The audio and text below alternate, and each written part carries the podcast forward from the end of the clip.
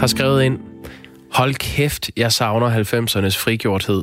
Den småborgerlige, patetiske højskolemoral, der breder sig for alt og alle, er sgu ikke til at holde ud.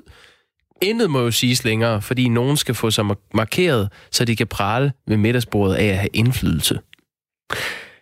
Mik bliver ansporet af vores øh, opsamlingshit på bonbons slik, hvor mange øh, ikke så tilsvarende øh, varianter er faldet ud. Herunder, hvad var de hed, frække numsehuller og bonbonhjerner. Lommebilliard og store babs og, hvad har vi? Øhm, hvorfor skifte navn på is og slik, skriver en. I dag er der nogen, der hedder Blød i bolden. Ja, der er mange sjove navne. Blød i bolden. Sune også. Uh, living on the edge. Ja, Sune har skrevet ind. Den, den skal du have lov til at læse højt. Godmorgen I to. I min tid i København, eller CPH, er det Københavns Lufthavn? Det må det næsten være. Det kan det godt være. Ja.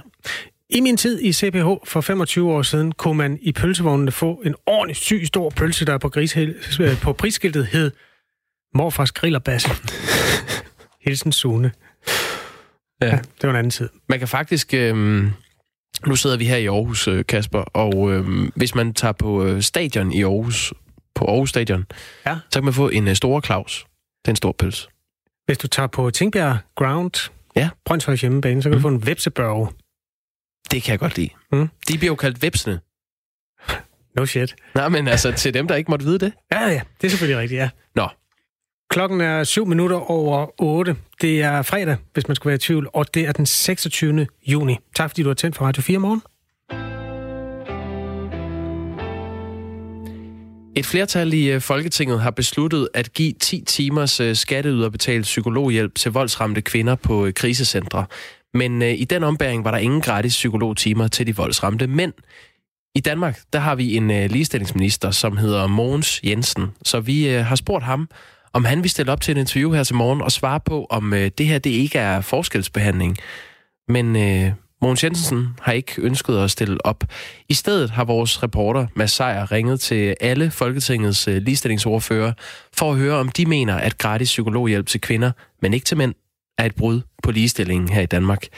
I første time, der øh, spillede vi øh, interviewbider med alle øh, de røde partier i Folketinget. Nu er turen kommet til Blå Blok. Her stemte øh, Liberale Alliance, Nye Borgerlige og Konservative imod forslaget, mens Venstre og Dansk Folkeparti stemte for. Vi lægger ud med at høre fra Dansk Folkepartis Karina Asbøl, som øh, Mads Sejer har talt med. Karina, nu får kvinder øh, ret til 10 timers psykologhjælp på krisecentrene, og det gør mænd ikke. Øh, er det en ligestillingssag? Ja, det synes jeg da bestemt, det er. Bør øh, ligestillingsminister Mogens Jensen gå ind i, ind i den her sag og banke i bordet, for at det, det bliver en, en lige fordeling? Ja, det synes jeg da vil være helt fantastisk, hvis han lige trådte i karakter øh, netop øh, på det her område. Netop også fordi der står i forhold til ligestillingsmæssige konsekvenser, de står jo i lovforslaget klokket klart, at mænd får ikke ret til samme behandling. Hvad vil I gøre i, i DF øh, for at, øh, at sikre, at mænd får samme rettigheder? Jamen i Dansk Folkeparti stillede vi jo netop ændringsforslag for at, at sikre, at der blev ligebehandling på det her område. Øh, og de blev jo nedstemt i Folketingssalen. Derudover arbejder vi sammen med Venstre på et beslutningsforslag, som også skal sikre ligebehandling på området. I vil gerne have lavet de her ændringer. I, I foreslår alt det her, men I ender alligevel med at, at stemme for øh, det forslag, der ligger der. Hvorfor, hvorfor gør I det? Jamen uanset hvad, så vil det jo være stemt igennem. Så er det jo vigtigt, at man arbejder for at stille ændringsforslag. Det er jo det, man gør til en, en, en lovbehandling. Det at være klokkeklart i det her. Skulle vi så sige, at så er der ikke nogen, der skal have hjælp? Altså, det, øh, det synes jeg jo heller ikke, at man skal gøre. Hvad, hvad skal Mogens Jensen så, øh, så gøre ved det?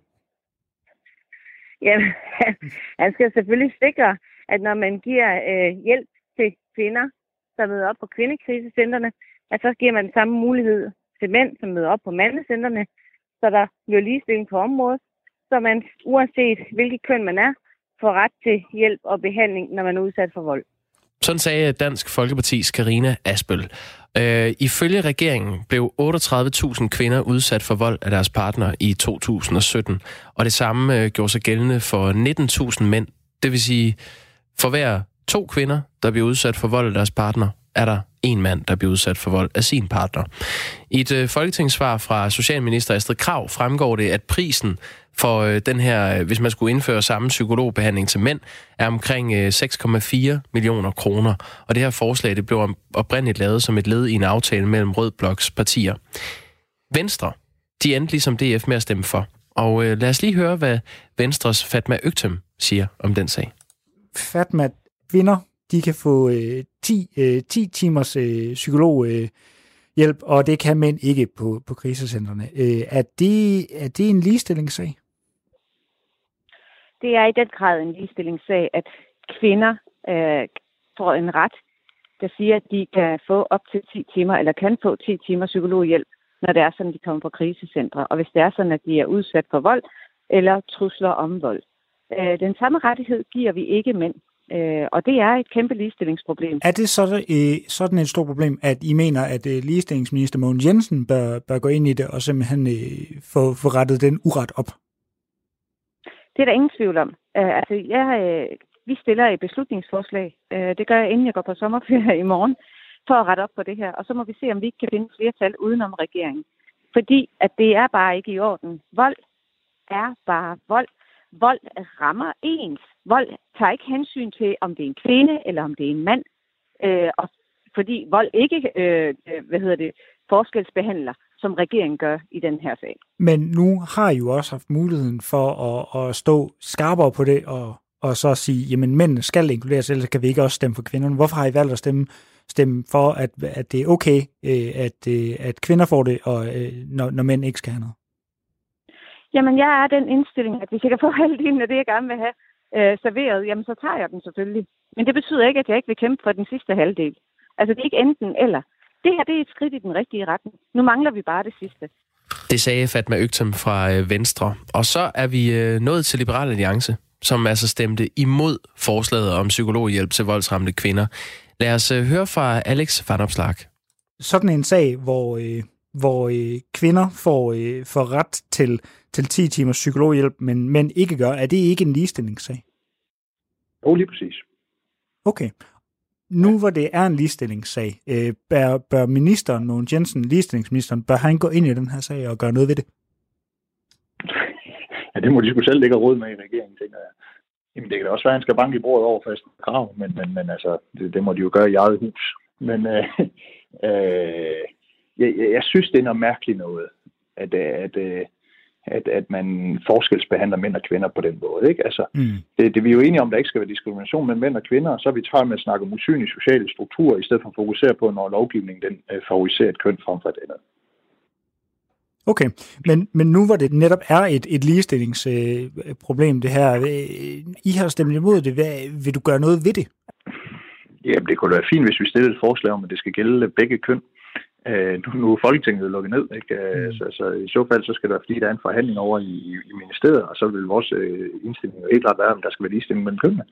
Vil, øh, vil, vil I fremsætte det forslag, når I øh, eksempelvis kommer tilbage fra ferie? Ja, det kan sagtens være. Det er ikke noget, jeg kan give en lovning på nu her, men det, det, det kan sagtens være, ja. Sådan sagde Alex Van Opslag, og øh, han synes altså, at der er tale om forskelsbehandling, når kvinder kan få, øh, voldsramte kvinder kan få øh, 10 timers gratis psykologhjælp, øh, skatteyderbetalt, stillet til rådighed, mens mænd ikke kan, når de bliver udsat for vold. Det mener øh, Pernille Vermund fra Nye Borgerlige også. Lad os lige høre fra hende. Pernille Vermund, jeg vil egentlig gerne øh, stille spørgsmål nu, hvor, øh, hvor kvinder øh, de får ret til 10 timer, og mænd ikke gør. Er det så ikke en ligestillingssag? Jo, det er det. Det er både en ligestillingssag, og så er det jo et glimrende eksempel på, hvordan politikere de kan øh, både diskriminere og føre identitetspolitik for danskernes skattekroner. Okay, men nu hvor det ligesom er en ligestillingssag, bør, øh, bør ligestillingsminister Mogens Jensen så gå, gå ind i den og gøre noget ved det? Når man diskriminerer, som man gør på den her måde, så er det jo ja, så er det et ligestillingsproblem. Men, men hvad skal Mogens gøre ved det? Ja, Mogens kan jo ikke gøre noget, fordi han er jo, han er jo sidestillet med, med Astrid Krav, som har, har vedtaget den her lovgivning. Men det, som man jo kan sige, når man ser det udefra, det er, at Mogens' opgave og det, at man har en ligestillingsminister, er jo fuldstændig overflødigt og ren stafage, hvis man har en regering, der kan finde på ikke bare at foreslå, men også at vedtage den her form for lovgivning. Hun, han, hun burde have en røffel, og han burde fyres som ligestillingsminister. Nu, nu stemte I jo i, uh, imod forslaget. Uh, vil du lige prøve ja. at forklare mig, hvorfor I gjorde det? Ja, men vi stemte imod det her forslag, fordi vi siger, at hvis man har behov for psykologhjælp og er så, hvad skal man sige, er så nedbrudt eller har så svære psykiske problemer eller psykiatriske problemer, at man har det behov, så skal man se på det enkelte menneske, og så skal vi ikke udpege specielle steder, hvor man skal indfinde sig for at få denne her ret. Øh, og vi vil slet ikke være med til, at man så oven i købet øh, kønsdiskriminerer, som man gør på det her forslag. Så lige for opsummering, så, øh, så kunne Mogens Jensen godt gå ind i det her og ligesom slå et slag for, øh, for ligestilling i det her, så der ikke ja, det... Jeg, jeg synes i virkeligheden, det i høj grad vidner om, at det, at vi har en ligestillingsminister, det er jo bare, altså, det er jo bare pæn indpakning. Det er jo bare til pynt. Fordi hvis regeringen selv laver diskriminerende lovforslag, og stemmer dem igennem, når de bliver gjort opmærksom på, at lovforslaget er diskriminerende, så er der jo ikke nogen grund til, at man skal have et helt ministerie, der beskæftiger sig, jeg ved godt, de beskæftiger sig med andet, men som, som altså, at vi har en, en ligestillingsminister, det er jo fuldstændig vanvittigt. Ligestillingsministeren er altså bare til pynt, når han ikke kan forhindre, at der vedtages diskriminerende love som den her om psykologhjælp til kvinder, men ikke til mænd. Det mener nye borgerlige Pernille Vermund altså. Skal jeg ikke lige tage et par sms'er, der er kommet ind til den her? Jo, tak. Michael skriver for det første, har I ikke lagt mærke til, at det næsten kun er kvinder, der udtaler sig efterhånden? Hvor er mændene henne? Mm. I den her sag har han ret. Ja, i forhold til ordførende øh, på det her område, så er det rigtigt. Der er der en klar overvægt. Hvem vi, vi har hørt fra Alex Vandopslag og fra Torsten Geil, ja. som var mænd. Ja, så det er syv ud af ni ordfører på det her område, som er er kvinder. Ja, men generelt kan vi da sige, at når vi øh, skal have kilder i radioen, så øh, ender det desværre ofte med, at det er mænd end kvinder. Altså, ja. der er, det, det er ikke altid, at den er lige 50-50 i hvert fald. Nej, og når vi kigger hinanden i øjnene, så må vi også tilstå, at der er flere mænd end kvinder i studiet lige nu. Altså dig og mig, snakker om. Jamen, jeg, jeg er helt med. Ja. Godt, en anden sms fra Karina, der ja. skriver... Hej, måske regeringen også skulle tilbyde kvinder i eget hjem gratis psykologhjælp. Der er mange kvinder, der ikke tør kontakte krisecentrene, men de lider med psykisk vold hver dag derhjemme, fordi de ikke ved, hvordan de kan få hjælp uden at skulle på et krisecenter. Og så skulle man måske have fokus på voldsudøvere, som bestemt skal have hjælp, skriver Karina. Det kan Karina godt have ret i. Det er ikke lige det, den her sag øh, handler om, men det der er der måske en vis ræson i. Det spørgsmål er, om det er interessant det her, at alle de partier, vi har hørt fra, uanset om de har stemt for eller imod den her øh, aftale, så øh, så mener jeg, der er tale om forskelsbehandling, og det vil være fint, hvis Mogens Jensen som ligestillingsminister gik ind i sagen. Hvad fanden er det for noget crap at lave som ligestillingsminister? ligestillingsminister? Fyr ham, ja. står der i en sms. Det er, øh, det er ikke øh, Mogens Jensen, der har lavet det. Det er Socialminister Astrid Krav, der har stået bag. Godt så. Øhm, vi vil jo meget gerne have spurgt Mogens Jensen, om, om det ikke er forskelsbehandling, men øh, han har altså valgt ikke at stille op. Og det sidste parti, der stemte imod det her forslag, det var konservative. De ønskede ikke at medvirke.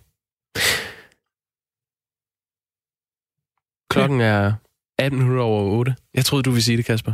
Nej, Så fik jeg, jeg lov.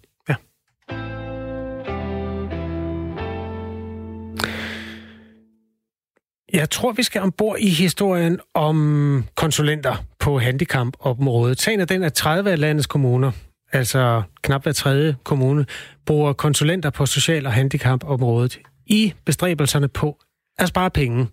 De her konsulenter, de er simpelthen ansat for at finde ud af, om handicappede borgere får det rette i støtte. Det interessante er så den måde, som konsulenterne bliver aflønnet på. Det er nemlig sådan en solgt eller gratis model. No cure, no pay. Altså, konsulenten får sin betaling, hvis vedkommende finder en besparelse. Det har været kritiseret fra flere sider, fordi det giver jo altså konsulenterne et incitament til at finde så mange besparelser som muligt. Og besparelser på svage borgere, det er ikke populært. I går kom Ankestyrelsen, som er landets højeste klageinstans, der behandler klagesager på det her sociale område, med en udtalelse om aflønningen. Og den går på, at det faktisk er i orden, at man aflønner øh, konsulenter på den måde, så længe de ikke laver det forberedende arbejde på den enkelte borger, som det hedder. Den udlægning øh, skal vi høre fra din side, Sif Holst, som næstformand i den organisation, der hedder Danske Handicaporganisationer. Godmorgen. Godmorgen. Hvilke konsekvenser har det for handicappede, at der er sådan nogle konsulenter indover, som er hvad skal man sige, meget motiveret for at finde besparelser i de handicappedes liv? Det, det er jo noget, der, der lyder forkert. Altså det der med at så sige, hvis, hvis du går ind og arbejder med, at øh, du finder nogle besparelser, og så, det, så tjener du selv pengene på, på det. Øh, og det er jo også egentlig det, som, som Ankestyrelsen er ved at sige, at hvis at de går ind og netop laver det der forberedende arbejde, hvis det er dem, der konkret er inde i den enkelte sag og sige, her kan I spare, og så er det mig, der skruer pengene, så, så er det ulovligt. Og det er vi jo rigtig, rigtig glade for, at det er blevet konkluderet. Så er der jo en hel masse andet, hvor man så siger, at hvis du nu er inde og, og rådgiver kommunerne, og måske er med til faktisk at sikre bedre sagsbehandling, øh, og, og det kan man så sige, bedre sagsbehandling, det kan vi godt være enige om, at det giver rigtig god mening, at man, man, man bliver opkvalificeret som kommune. Hmm. Øh, målet skal bare ikke være, at lad os spare mest muligt på borgerne, Nej. og det er det, vi skal opkvalificeres til. Men hvilke konsekvenser har det haft? Altså, kender du til eksempler, at det har været et problem, det her?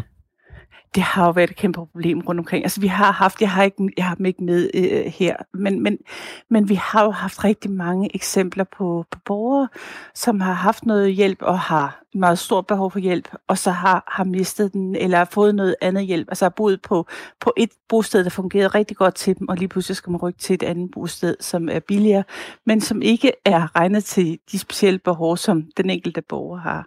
Øh, så der er nogle problemstillinger øh, rundt omkring, øh, og, og hvor det rammer jo den enkelte borger utrolig hårdt. Og det er ikke mm. altid, at borgeren jo har ressourcerne til at sige, åh, hør nu lige, det her det er ikke rimeligt. Men det kan jo også være, Fordi at det, det er, er en besparelse, der bliver opdaget, eller hvad skal man sige, at det er en, en hjælp, som den borger ikke er berettiget til, som så bliver opdaget, og, og derfor bliver frataget selvfølgelig, jeg må sige, altså vi skal jo have den, den rette hjælp, når vi har brug for hjælp. Øh, øh, og må sige, virkeligheden, altså noget af det, man har arbejdet med i, i andre kommuner, det er også at sige, hvis du nu har færre øh, borgere per sagsmedarbejder, øh, og bedre får, får mere den personlige kontakt gennem flere år, så sker det faktisk generelt også lidt måske færre fejl, og du får en bedre service for borgeren, og det, du sparer måske endda nogle penge. Så det er jo en anden måde at gå til det, hvor du simpelthen går ind og siger, jamen, vi har en bedre kontakt, og vi sikrer, at det er den rigtige match til den rigtige borger. Ikke at man nødvendigvis bare skal have det dyreste, men du skal have det, der passer rigtigt. Mm. Hvor det her, det har jo været noget med at gå ind og sige, jamen, nu, nu, nu kan vi gå ind og hjælpe jer med at spare nogle penge. Øh, og, og måske knap så meget på, på hvad der er bedst for borgeren, ikke? Modtaget. Godt. Øhm, jamen lad os lige øh, perspektivere det her lidt. Ja, vi, øh, vi har jo faktisk... Øh, øh, lige om lidt skal vi sige godmorgen til øh, Camilla Fabricius, og det kan være, øh, Sif Holst, øh, næstformand i paraplyorganisationen Danske Handicaporganisationer, at du lige skal blive øh, hængende. Så får du lige lov til at stille ja. spørgsmål. Det er godt. Øhm, det er jo sådan, at, øh, at de her konsulenter, de er ansat i kommunerne til at kigge sociale sager igennem, og de bliver betalt for deres indsats via den her resultatløn. Og øh, den er udformet sådan, at øh, konsulenten, hvis konsulenten eksempelvis kan spare kommunen for, øh, for øh, penge på en handicappet borger, så får konsulenten mellem 10 og 15 procent af den besparelse. Finder konsulenten ingen besparelse, så er der altså ingen løn. Men øh, det kan være, det, det stopper nu. I hvert fald så, øh, så gjorde øh, Ankestyrelsen det klart, at citat, hvis konsulenterne er aflønnet efter no cure, no pay princippet, kan kommunerne ikke lovligt anvende dem til at forberede afgørelser i sager om ydelser til konkrete borgere på socialområdet. Det skyldes, at der foreligger inhabilitet, når konsulentfirmaerne har en økonomisk interesse i at nå til et bestemt resultat. Man gør, det, øh, men gør man det umuligt at bruge de her konsulenter, så kan det blive et øh, problem at løse de opgaver, som konsulenterne før i tiden har løst. Det er nemlig et øh, nærmest umuligt område at få styr på for den enkelte kommune. Det siger Venstreborgmesteren i Odder Kommune, Uffe Jensen, og ham skal vi lige høre kort fra. Så sidst jeg hørte øh, antallet, der mener, at det var 22.000 af fire sider øh, som er love og cirkulære bekendtgørelser og alt muligt andet inden for det her område. Øh, og det, der har vi altså, må vi bare erkende, øh, brug for, at øh, der er nogen, der kigger os over skuldrene også nogle gange og rådgiver og hjælper lidt. Det samme mener Søren Sten Andersen, der er borgmester i Assens Kommune på Fyn. De havde en øh, pukkel af sager, de fik hjælp med, siger han. Og hvem skal så hjælpe, når puklerne ophober sig igen? Vi havde en pukkel, hvor vi så tog et udsnit ud af de her sager og sagde, at det her, det beder vi nogle fremmede om at klare for os, for det har vi ikke kapaciteten til selv. Men når den pukkel så er afviklet, så er vi jo back to normal igen, og så kan vi godt følge kadencen i forhold til det, vi normalt gør. Camilla Fabricius, godmorgen. Godmorgen. Godmorgen. Ja, du er social- og indrigsordfører for Socialdemokratiet og folketingsmedlem i øh, Østjyllands Storkreds. Og så tror jeg, du står op af en, øh, ved en fodgængerovergang. Der er i hvert fald noget, der piper i baggrunden. Ja, jeg er lige på vej i Socialministeriet for netop at, at diskutere nogle af de øh, sociale øh, udfordringer, vi har. Det er fair nok. Øh, Camilla Fabricius, hvem skal tage sig af de opgaver, som øh, konsulenterne i dag varetager? Men jeg tror, jeg tror, at vi grundlæggende skal se, at der er en kæmpe udfordring på socialområdet, øh, det specialiserede socialområde. Altså dem, der er særligt udsatte, de mennesker med handicap, hvor man bare må sige, at hvis vi kigger på, hvordan kommunerne løser opgaven, og ser på de ressourcer, der er tildelt, og ser på den faglighed, der er, så er der en kæmpe opgave. Øh, og det betyder også, at vi er nødt til at se på det generelt, og vi er nødt til at dykke ned i det. Og derfor har man også i finansloven aftalt, at der skal laves en øh, kuglegravning af det specialiserede socialområde for at se på, øh, hvad, hvordan er det, at området er skruet sammen, og, og sikre, at folk får den velfærd, fordi grundlæggende må man jo sige, at no cure, no pay i virkeligheden baserer sig på at gøre det bedst muligt, ikke øh, eller billigst øh, og ikke bedst, og det, det synes jeg ikke er acceptabelt. Så det skal være en øh, anden aflønning, du, øh, du vil hen til? Nej, det, det handler jo mere om, at, øh, at hele udfordringen i forhold til, hvordan løser man opgaven. Okay, så du vil, du vil stadig holde fast i no cure, no pay? Øh, nej, jeg vil ind og se på, hvad er det for en opgave, der skal løses? Øh, hvad er det, øh, de borgere, vi har med handicap, har brug for?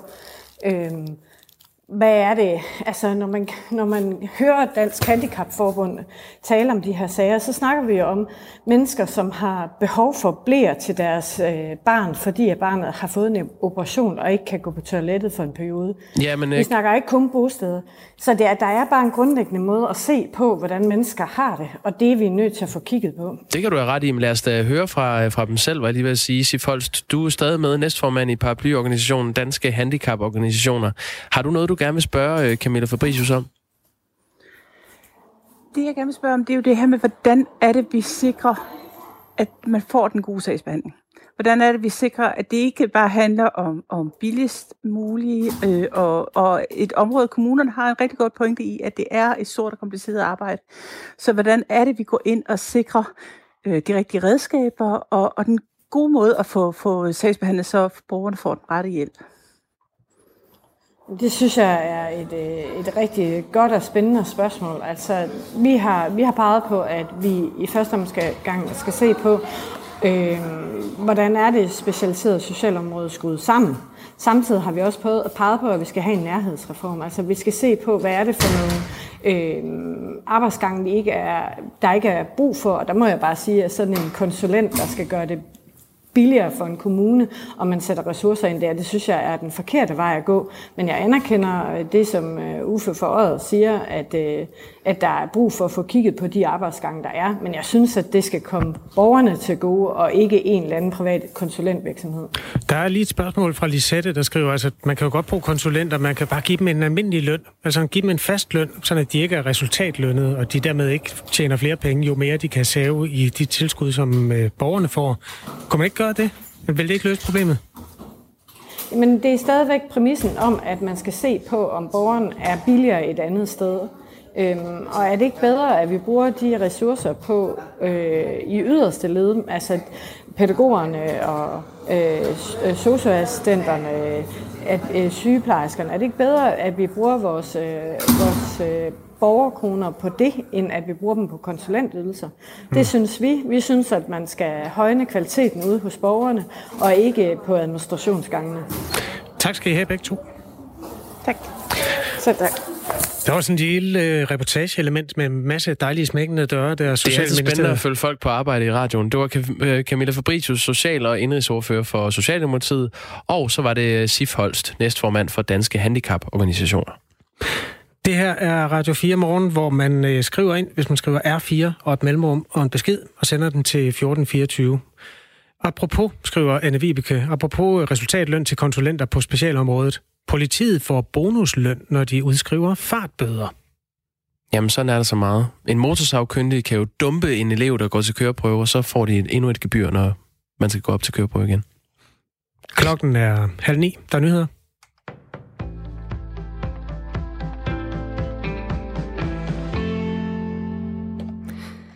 Danske pensionskasser har investeret i aktier hos kinesiske firmaer, som anklages for at bidrage til masseovervågning og forfølgelse af etniske minoriteter i Kina. Det viser en gennemgang af de 17 største pensionsbeholdninger i Danmark, som politikken har lavet. I alt er 125 millioner pensionskroner investeret i teknologifirmaerne iFlyTech, Dahua, SenseTime og Hikvision. De fire kinesiske selskaber de afviser anklagerne.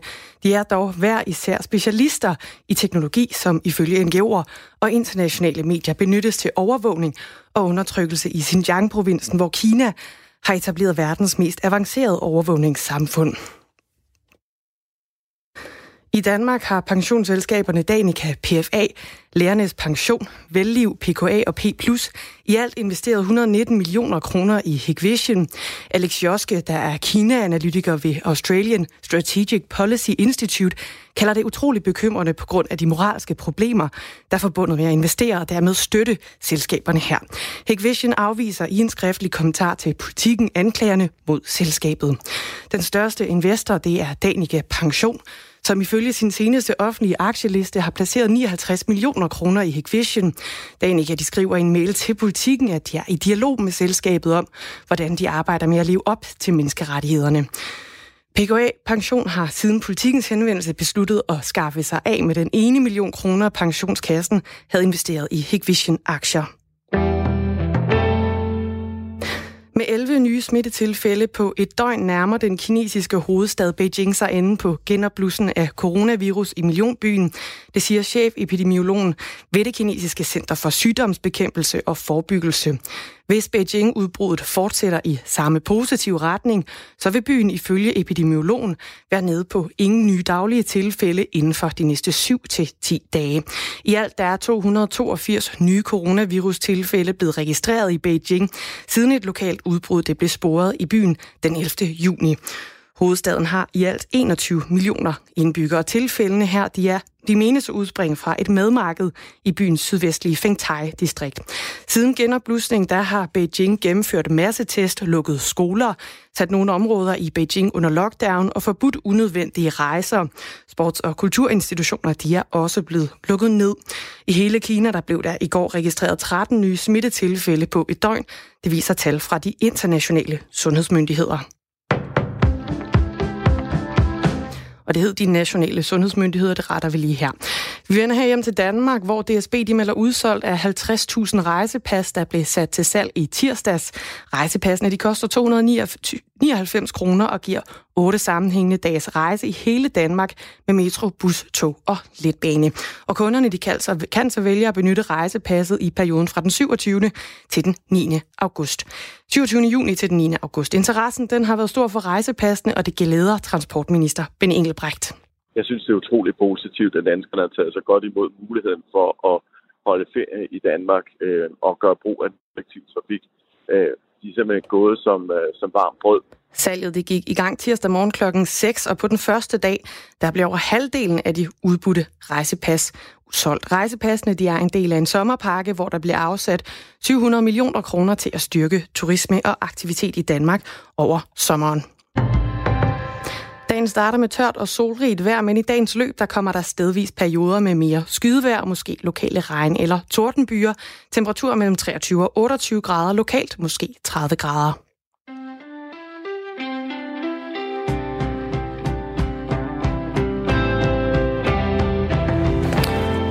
Det går godt nok ikke så godt for Donald Trump i meningsmålingerne. Det er jo sådan, at der skal være valg, præsidentvalg til, øh, til efter november mm. i mhm. Guds eget land. Mm. Og øh, Joe Biden, som i og for sig ikke har gjort noget specielt opsigtsvækkende, udover at han holdt verdens klammeste tale til hende, den efterladte George Floyds datter. Ja, det var godt nok, øh, det var simpelthen, det var ikke i orden. Det var en tårpasser. Og så stillede han sig op øh, på talerstolen på et tidspunkt og forvekslede sin kone med sin søster. Ja, men øh, han er altså demokraternes bud på en præsident, og øh, i en tid, hvor Donald Trump måske ikke har helt den medvind, han har haft, så ser det altså bare ud til, at øh, han kan være direkte ind i det hvide hus. I hvert fald, hvis man skal tro nogle af de meningsmålinger, der kommer i øjeblikket. Det handler om de der swingstater. Ja, det gør det. Øhm, nu skal de se, i 2016, der viste meningsmålingerne op til valget, at øh, demokraterne, det var dengang øh, Hillary Clinton, ville vinde. Så spørgsmålet er jo så, øh, med de her meningsmålinger, der er lavet af avisen New York Times, som er foretaget i, i seks svingstater. Det er de her stater, som er så vigtige, øh, hvis man har drømme om at blive præsident i Amerika, Guds eget land. I alle seks stater, der har Joe Biden et øh, solidt forspring. Godmorgen, øh, Mads Høgh Mikkelsen. Godmorgen. Godmorgen. Du er øh, indrigsanalytiker på kongressen.com. Det er et øh, netmedie, der dækker USA. Kan vi øh, stole på den her meningsmåling, at Joe Biden han står til at vinde seks svingstater? Ja, altså det gør han jo lige nu, øh, kan man sige, hvis valget blev afholdt i dag. Det gør det jo som bekendt ikke. Det bliver først afholdt til november, men så fremt at, at valget blev afholdt i dag, så tror jeg godt, at man kunne regne med, at den her meningsmåling var, var nogenlunde sikker. Man kan sige, at hans forspring i de her stater ligger ud over det sådan statistiske, den statistiske usikkerhed. Øhm, og det går generelt øhm, ikke så godt for, for præsident Trump i øjeblikket. Har øh, Biden bedre forudsætninger i svingstaterne, end øh, Hillary Clinton havde? Altså, det vil jeg umiddelbart mene i forhold til, at han øh, bedre til at appellere til nogle af de vælgergrupper, som er meget afgørende i nogle af de her svingstater. Altså, tre af dem, som man har målt i Wisconsin, Michigan og Pennsylvania, er stater, hvor der er en ret stor hvid arbejderklasse, som øh, sådan, historisk set har stemt øh, på demokraterne, men som var dem, Trump fik over i sin lejr, og på den måde, øh, kan man sige, fik frarøstet Hillary øh, valgsejren. Og der er Joe Biden en bedre kandidat. Han er bedre til at appellere til de her vælgere. Øh, samtidig så er, er Joe Biden også bedre til at, at appellere til, til afroamerikanske vælgere, som der er en ret stor del af i både Florida og i North Carolina. Ja, men kom han ikke også lidt i, øh, i modvind med en meget uheldig udtalelse om øh, netop afroamerikanere for nylig? Jo, altså det gjorde han, men samtidig er der så meget øh, pres på øh, i forhold til det her med George Floyd, øh, og i forhold til, at man gerne vil have nogle politireformer. Der er mange afroamerikanere, der har mistet deres job under, under corona, og, så der er en masse andre faktorer, som ligesom presser på i forhold til, at, at afroamerikanere må formodes at gå mere til stemmeurnerne ved det kommende valg. Og der er det altså klart en fordel for Joe Biden, fordi selvom han har, har gjort sig upopulær med nogle udtalelser, så er han ikke i nærheden af at øh, have skubbet afroamerikanerne over i Trump-lejren. Nej, det kan være. Vil du lige sætte øh, to sætninger på, hvad det var, han, øh, han fik sagt, Joe Biden? Man fik sagt, at hvis man stemte på Trump, så øh, var man ikke afroamerikaner. Øh, var sådan det, han fik sagt i et radiointerview, og som øh, på mange måder faldt mange øh, afroamerikanere på, for brystet, fordi at øh, det var, at Joe Biden der som hvid mand sidder og fortæller, øh, hvad og hvad der ikke er en del af deres identitet. Ja, hvem er han til at afgøre det? Vi har jo haft en øh, ja, lidt, lidt lignende debat faktisk, øh, slår mig lige, mens vi sidder her øh, for et par dage siden. Vi havde Uffe Elbæk med, øh, som fik sagt, mm. at øh, Sikander Siddiq var den første 100% autentiske brune stemme, vi havde haft i Folketinget. Øhm, ja, det var bare et, øh, en lille derail, men det var da i hvert fald en uh, pangdang til den sag. Øhm, Mads Høgh Mikkelsen, øh, indrigsanalytiker på kongressen.com. Hvis, øh, hvis 2020 havde været et normalt år, så havde valgkampagnerne for både Trump og Biden været i fuld gang. Og det har corona jo lavet godt og, og grundigt om på, øh, som det ser ud lige nu. Hvad, hvad er status på det amerikanske valg? Jamen, status er lige nu, altså havde det været en normal, øh, et normalt valgår, jamen så havde der været konventer nu her inden så længe. Øhm, de er så blevet skubbet, de her konventer, som jo er, er der, hvor at de amerikanske partier mødes og endeligt øh, får valgt deres præsidentkandidat. Det er øh, her, hvor alle de delegerede, som blev valgt i løbet af primærvalgene, der foregår hele foråret, øh, så mødes og endeligt stemmer om, hvem der bliver præsidentkandidater. Det er blevet en svær ting at afholde øh, under corona, fordi det er noget, hvor mange mennesker skal samles. Øh, så det er noget af det, der udfordrer partierne lige nu, hvordan at man får afholdt de her konventer øh, på en måde, som er sundhedsmæssigt forsvarlig. Ja, særligt med den smittesituation, der er lige nu. Donald Trump var ude for et ja. par dage siden og, og sige, at øh, man skal bare lade være med at teste så mange, så er der ikke så mange officielt smittede. Men det hjælper jo ja. bare ikke rigtigt. Øh, er amerikanerne bekymrede for, for afholdelsen af det amerikanske valg? Altså, det tror jeg, de er. Der, der vil være nogle dele af, af vælgerkorpset, der er, er bekymrede for det. Man kan sige måske særligt øh, i sådan den demokratiske del af befolkningen. Øh, republikanere er generelt lidt mindre øh, bekymret omkring coronavirus øh, og den effekt, det vil have på valget. Øh. Men, men der er kommer en diskussion på et tidspunkt i USA. Den er allerede startet lidt, men den vil blive mere hæftig frem mod valget om, hvorvidt man skal gå over til at brevstemme.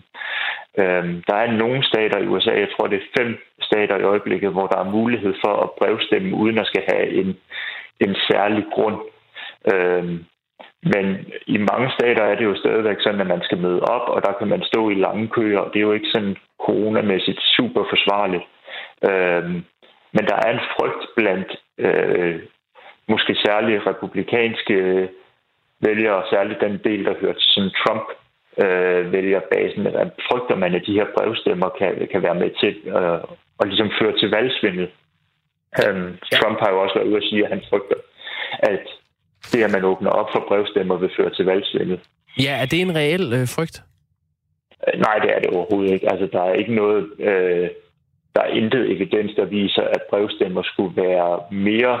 Øh, altså, der skulle være mere svindel ved brevstemmer end ved fysiske afstemninger, og samtidig er der med meget, meget få tilfælde af, af valgsvindel i USA. Det er så forsvindende lille en del af, af valg, der, hvor der er, er valgsvindel, at det har aldrig haft betydning sådan i større øh, omfang, i hvert fald ikke i mm. nyere tid. Øhm, så det er ikke en frygt, der reelt er rationel, men det er en, en frygt, der er, og det kan også handle om, at man blandt republikanere er bange for, at brevstemmer kan, kan hjælpe nogle øh, demokratiske segmenter til at gå mere til valg. Det sagde øh, Mads Høgh Mikkelsen, som er indrigsanalytiker på kongressen.com. Øh, tak fordi du var med her, Mads. Selv tak. Frederiksen har skrevet ind, jeg er godt nok ked af det, hvis Trump taber. Livet bliver kedeligere, uden det dejlige adrenalin-rush, der jævnligt strømmer gennem dig, når man er usikker på, hvad Trump nu sætter i gang. Hvad skal vi så grine af? Den lidt aldersforvirrede Biden er fandme for kedelig, skriver Frederiksen. Tak for sms'erne. Klokken er 18 minutter i 9. Forleden øh, fortalte jeg om øh, rollespilsfirmaet Wizards of the Coast, der øh, står bag det verdensberømte rollespil Dungeons and Dragons. Og øh, de vil nuancere billedet af fantasivæsenerne orker i fantasy. Altså, de er ikke kun dumme og onde, må man forstå. Nej. Nu er der nyt øh, fra orkernes verden igen, og jeg kan sige så meget, at øh, de måske ikke kun er onde, men de er stadig kun grimme. Okay. Det handler det her om. Øh, og det ved jeg, fordi at skaberne af den kommende Ringenes Herre-serie søger øh, statister til at spille orker. Ja, okay. Og øh, vi lever i en tid, hvor øh, enten så er der nogen, der mener, at, øh, at øh, nogen er racister og, eller sexister, og så er der nogen, der mener, at de andre de er krænkelsesparate, og man må, hvad må man efterhånden sige? Hmm. Jeg vil sige så meget, det har de ikke øh, rigtig taget stilling til inde på castingbureauet BGT Actors, Models and Talents. Øh, de søger øh, skuespillere til at spille orker, og det haster. Presserende casting, kun for folk baseret i Auckland i øh, New Zealand. Auckland, Vi mangler... det er sjovt, hva'? Det er faktisk sjovt, ja. Vi mangler mennesker, der ser spøjse ud, lyder den. Og så skal du, øh, nu skal du høre, hvordan øh, de beskriver de mennesker, de søger til at spille orker i. Ringnes her. Har du overbid, brandskader, lange, tynde lemmer, dybe kindben, dybe linjer i ansigtet, ar fra akne, ører, der skiller sig ud, flad eller bare interessant næse, smalle øjne, store øjne, en hver form for deformitet, altså der, der spænder de virkelig buen helt bredt ud, smalt ansigt eller manglende lemmer, ser du usædvanlig ud, lyder det, så er det måske dig, vi leder efter. Så er du en ork. Så er du en ork. Man får... Så mangler din ork. Øh, eller ja, så har du mulighed for at komme ind. Du skal godt nok have arbejdstilladelse i øh, New Zealand, men hvis man passer på den beskrivelse, så skal man bare melde sig. Alle mennesker kender en, der ligner en ork. Du tænker på ham nu. Klokken er 8.44.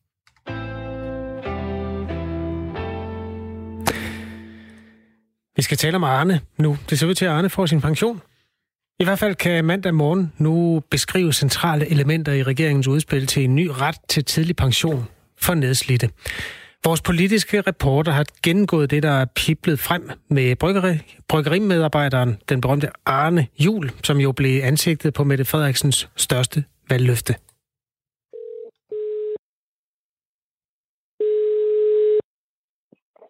Arne. Hej Arne, det Hallo. er øh, Peter inden for radioen. Ja, hej. Hej så. Fanger jeg dig på et bedre tidspunkt nu så? Ja. I har, I har travlt i dag, eller hvad? Ja, det har vi fandme godt nok. Hvor meget, øh, hvor meget har du så fået brygget? Ja, vi, øh, vi brygger ikke det. Vi tapper simpelthen uh, dåser, og vi tapper fagøl, og ja, det, det sprøjter ud. Kan I holde varmen så? Ja, det er ingen problem. Det er godt, det er godt at være nede i kælderen, det er så dejligt koldt nede. Men, øh, men Arne, du, du ved godt, hvorfor jeg ringer til dig. Ja, Ja. det kan jeg næsten regne ud. Hvad synes du om det? Se, jeg har ikke set udkastet. Du har ikke set... Jeg tænkte på, om vi så ikke Nej. kunne gennemgå det kort. Jo, men det kan vi da godt. Ja. Et af de øh, første punkter, der er, det er, at hvis en person har arbejdet i mere end 40 år, så kan vedkommende trække sig fra arbejdsmarkedet tre år før pensionsalderen. Ja. Hvad, hvad synes du om det? Jamen, det synes jeg, det er fint nok, ikke? Men øh, hvad det, det, det hjælper nok ikke mig noget, ikke? For jeg kan bare gå som fire, at det er folkepensions. Det er jo 67, så bliver det 64, og der kan jeg gå på efterløn. Så, øh, så selvom, øh, selvom du har været meget i vælten omkring det her, så, så er det jo i hvert fald ikke et Ja. forslag, der nok kommer til at ramme dig.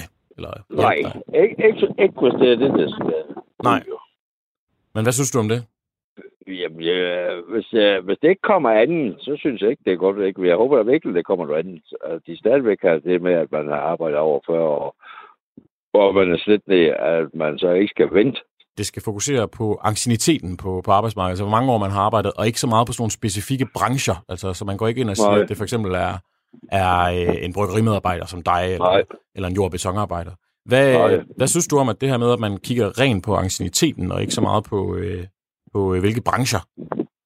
Ja, men jeg synes, man skal kigge på det, og så skal man kigge på, at man er nedslidt, og så op i over med branchen. Hvis man er nedslidt, så skal man ikke kigge på branchen, så skal man se på dem, og så er ancienniteten stadigvæk jo ikke. For det er jo ikke nogen, det er nogen, der har 45 års anciennitet, og så ikke er nedslidt, der vil gå, ikke? Den holder jo ikke retten, ikke? Det, er sgu da, det, det skal jo tage dem, som virkelig er nedslidt. Ja. Og lige nu pt. jeg- efter min øh, kræftoperation sidste år, ikke, jeg går på nedsat 10 lige nu på bryggeriet. Jeg er kun tre dage om ugen, og det passer mig så fint, ikke?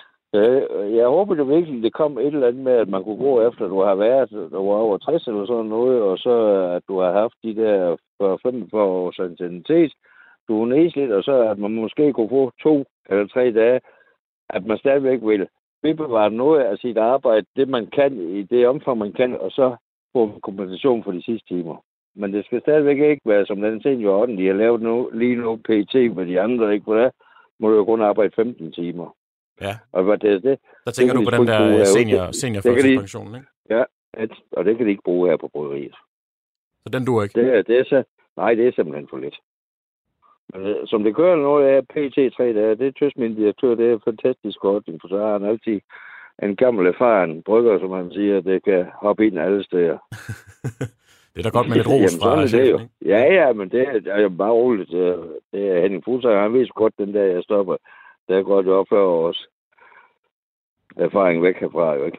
Hvis man så går lidt væk fra selve forslaget, altså der er jo, øh, dit Ja. ja. navn, det bliver jo brugt rigtig, rigtig meget, og det bliver brugt i flæng Ja. ja. øh, af diverse politikere hele tiden, og man snakker jo Ja. meget om, at du stadig venter på den her pension.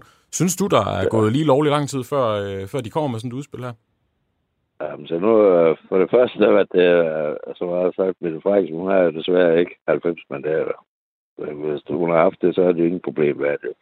Og så kommer lidt coronakrise i der nu, et, øh, fra jeg var over at snakke med, med Peter Hummelgaard i marts måned, ikke? og han siger jamen, de har jo mere eller mindre lovforslaget liggende lidt, men øh, nu går det jo så hen til august måned, i hvert fald kan regne ud, når de kommer tilbage, eller et eller andet, inden de kommer i gang med det igen jo ikke.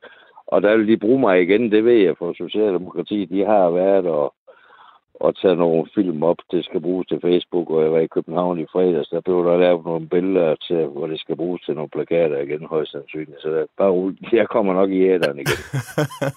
Så de, øh, de, øh, de, vil De har ikke glemt mig. De har ikke glemt dig. Ej, det Nej. lyder godt. Hvad synes du om det? Det der med, at du øh, er på den plakat, og det, det er dig, det handler om. Jo, jo, det er fint nok. Ja. Er det lidt smirrende? Ja, både ja og nej. Så det med, ja, nu er jeg ved at vant til det, så det er, og, og journal- journalister, ikke, dem kan jeg sådan mere eller mindre klare. Hvis de ikke opfører sig ordentligt, så skal jeg bare ikke snakke med dem mere. Sådan det er jo, Peter. Jamen, det er, det, de skal ikke skrive et eller andet lort. Det, det får de også at vide, for det giver jeg simpelthen ikke. Nej. Men, øh, men Arne, jeg vil høre, øh, hvor, hvor ofte spørger folk dig, når du, når du sådan møder folk på gaden? Hvornår, hvor ofte spørger folk dig om, hvornår du får din pension? Jamen, der er jo selvfølgelig flere, der spørger jo, ikke? Og har jo også en del venner, som er været ude på højrefløjen. De går og ryster hovedet og hele taget med det. Altså, så, så har jeg jo også sagt til dem, at det er jo jeres skyld. For det er jo jeres parti dengang, det var det slet fik vores efterløn ødelagt. Hvis den ikke har været ødelagt, så var det her altså ikke været med i det GI-marked her. Og så har jeg jo været på efterløn i dag. Så var jeg jo gået i 1. maj. Så er ja. ingen problem med det. Så, du... så det er bortset derfra, det er godt nok. Og så er selvfølgelig alle de andre, de siger, kæmpe videre. Det er et godt initiativ. Så du er, så du, det... du er, du er tilfreds med, øh, med de toner, der kommer, og du, du bliver taget med på råd? Ja, der er selvfølgelig nogen, du ikke giver at høre på, ikke? For hvad det her, jeg er opjavn, sviner til uge Facebook, det er lidt godt sige, jamen det er det store, tykke svin, der bryggeriarbejde, han drikker nok for meget ryger og vejer 100 kilo for meget, og den vej. Ja. Så det, men sådan er det jo ikke, men dem ignorerer jo bare det. Det lyder da ikke så rart. Nej, men sådan det er jo. Du har hørt værre, eller hvad? Ja, det er, men ja, det rager, det rager mig en bøgermand, som Kim Larsen ville have sagt. Det rager Arne Jul, en bøgermand. Han er bøgerimedarbejder og nok en af Danmarks mest øh, kendte posterboys. Ifølge mediet mandag morgen, så bliver det endelige udspil øh, til øh, den her reform offentliggjort til august, og Arne Jul er åbenbart allerede involveret i det, der lyder som noget af en anden bølge af socialdemokratiske reklamer og plakater osv. Jeg tror faktisk, sangen hedder Det rager mig en bønne. Jamen, det gør det også. Ja, det er fra Vasco-albummet. Nå, sagde, sagde han bønne eller bøgemand? Ja, du sagde i hvert fald bøgemand. Jamen, det er den der is, der bliver ved med at rumstere. det er den is fra 70'erne, vi talte om tidligere. Det rager mig en bønne. Det er rigtigt, det er det, han sang. Og det ja, var nok også haft, det, Arne Jul sagde. Vi har haft travlt i dag. Klokken er 8 minutter i 9. I går faldt det på plads, at øh, den engelske fodboldklub Liverpool FC igen kan kalde sig mestre efter 30 år uden rigtige mesterskaber. Det faldt på plads, uden at holdet selv var i kamp, men fordi de nærmeste rivaler Manchester City tabte 2-1 i en kamp mod Chelsea, så lykkedes det altså Liverpool i den her mystiske coronaprægede sæson at vinde det engelske mesterskab. En mand, der brænder for engelsk fodbold, det er Morten Brun. Godmorgen. Godmorgen. Tidligere landsholdsspiller og fodboldekspert hos øh, Discovery. Øh, Morten Brun, du holder jo med Manchester United, det ved jeg mellem linjerne. Hvordan er det for dig at konstatere, at Liverpool vinder mesterskabet? Jamen, jeg holder ikke så meget med Manchester United, at jeg ikke har en forståelse for, for de følelser, som, uh, som Liverpool-folket har omkring, omkring det her mesterskab, fordi jeg er først og fremmest i af engelsk fodbold, og dermed også i af den her desperate kamp for at vinde det næste mesterskab, som, hvilket jo så altså to, to 30 år for Liverpool Football Club. Liverpool-folket, det er blandt andet mig. Jeg voksede op i 80'erne, og dengang der var der simpelthen næsten kun et hold, man kunne holde med, fordi Liverpool genopfandt fodbolden. Det var et helt suverænt hold i, i 80'erne, og fandt en, en ny måde at spille fodbold på i England. Efter de der øh, kedelige, den kedelige måde, man har gjort det på i 100 år, så kom der, øh, så kom der sådan nogle katastrofer, som satte en, en stopper for den der øh, optur. Og, og nu er vi jo os, der, der faldt for Liverpool dengang, ventet i 30 år på det. Øhm, hvordan vurderer du det sted, hvor Liverpool står nu? Altså, kan det være en ny storhedstid? Ja, det kan det, det, kan det udmærke. Det kan det udmærke. Altså, der er, ikke, der er simpelthen ikke noget, der tyder på, at, øh, at Liverpool FC ikke kommer til at tilhøre den absolute elite af engelsk fodbold i, i de næste mange år. Men, men der, der er andre derude, kan man sige. Der er jo Manchester United, som er en slumrende gigant, så er der Manchester City, og så er der lidt bagefter, vil jeg vurdere sådan på potentiale, altså klubber som Chelsea og Arsenal.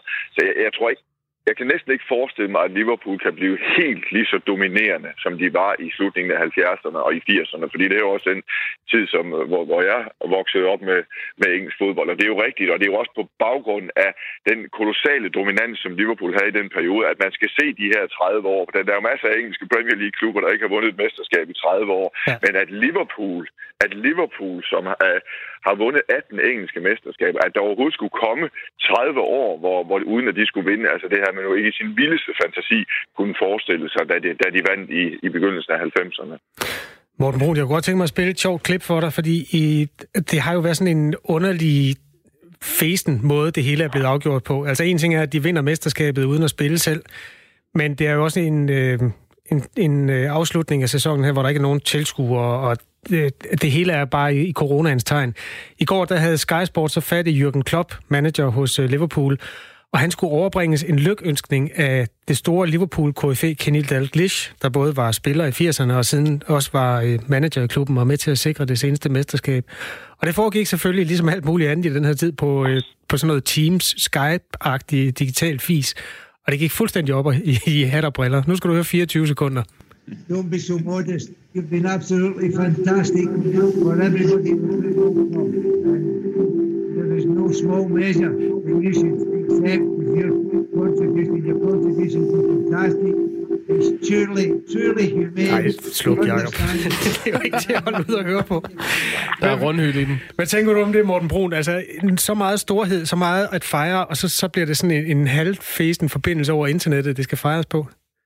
Ja, det er jo ikke engang halvfesen. Det, det, er jo, det er jo frygteligt for Liverpool og deres supporter, at det bliver så antiklimaktisk at skulle, at skulle fejre det. Fordi det skulle have været, der skulle have været en flod af mennesker i Liverpools gader i går. Det skulle der have været til de, sen, til de sidste hjemmekampe, og så skulle det hele jo kunne være kulmineret med en tur i åben bus Øh, efter sæsonen. Og det, jeg, jeg ved ikke noget om, hvordan de, hvordan de kommer til at fejre det, men sådan som situationen er i England nu, så bliver der jo ikke noget med, med åben bus og, og, og et menneskehav. Der var, jo, der var jo folk omkring Anfield i går, så der er også nogle følelser, man ikke kan holde inde. Men, men det, er, det er næsten skæbens ironi. Jeg kender også mange Liverpool-folk, som nærmest føler, at, at skæbnen er imod dem. At når de nu endelig, endelig, endelig vinder, at de så ikke engang kan komme til at fejre det ordentligt. Det er jo forfærdeligt. Hvad ved du om engelsk fodbolds øh, fremtid? Altså jeg tænker på, kommer der at diskutere de nu, hvornår der kan komme folk på lægterne igen, og tilskue og øh, pølser og øl og alt det, man kan lide? Ja, jo ikke, ikke for alvor. Altså, det bliver, i hvert fald, det bliver i hvert fald ikke i den her sæson, så den er ligesom sparket til hjørne. Der kommer ikke en Liverpool-supporter ind på, ind på noget stadion i den her sæson, men, men i, i den næste, der er der der håb. Det her er jo øh, syv kampe før sæsonen slutter. Hvis Liverpool vinder de sidste syv kampe, så vil der blive sat en rekord, der nok kommer til at stå for evigt, fordi så har de fundet, vundet 35 ud af 38 kampe. Er det sådan noget, der fylder noget for dig? Er du interesseret i den type statistik, eller er sæsonen slut for dig nu? Altså, det, jeg, vil, jeg vil sige, det i dybest set er det jo uden betydning, men, men altså i en, uh, i en turnering, som, uh, nu, nu, nu hedder den jo Premier League, men, men engelsk fodbold har, jo, har jo eksisteret, den engelske liga har jo eksisteret i siden øh, 1888, der er det da også interessant at være, at være et hold, der, der, kan, der kan hævde, at man, at man har været det, det bedste nogensinde men altså for, for Liverpool og i, i det hele taget, så, så, så er det, det, det er mesterskab, det er mesterskaberne, der tæller. Og det, men når du nævner det, så, så er det jo fuldstændig formidabelt. Altså i sidste sæson tabte Liverpool én kamp.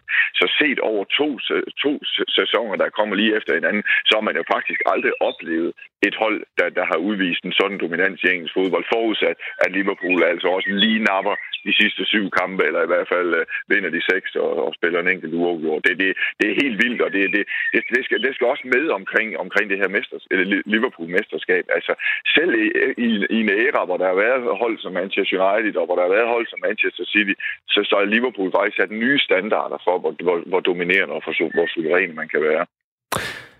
At the end of the storm is a golden sky, and the sweet saint the song of a lark, er der nogen, der siger. Er det en lærk, der sidder og piver bag ved dig, Morten Brun? Ja, det er det jo så. Jeg, jeg står jo herude ude i min have og forsøger at fejre det her Liverpool-mesterskab sammen med jer.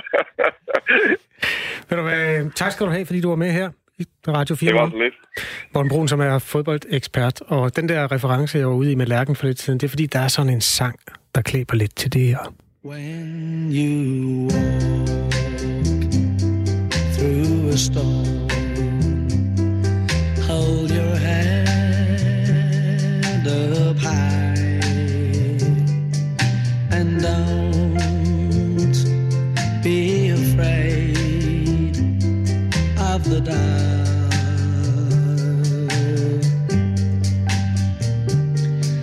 the end of a storm There's a golden sky And the sweet silver sound of love Ja, så kom den lidt med lærken. Gary and the Pacemakers, You'll Never Walk Alone. Ja, og med det kan vi bare ønske god weekend, når alle når dertil.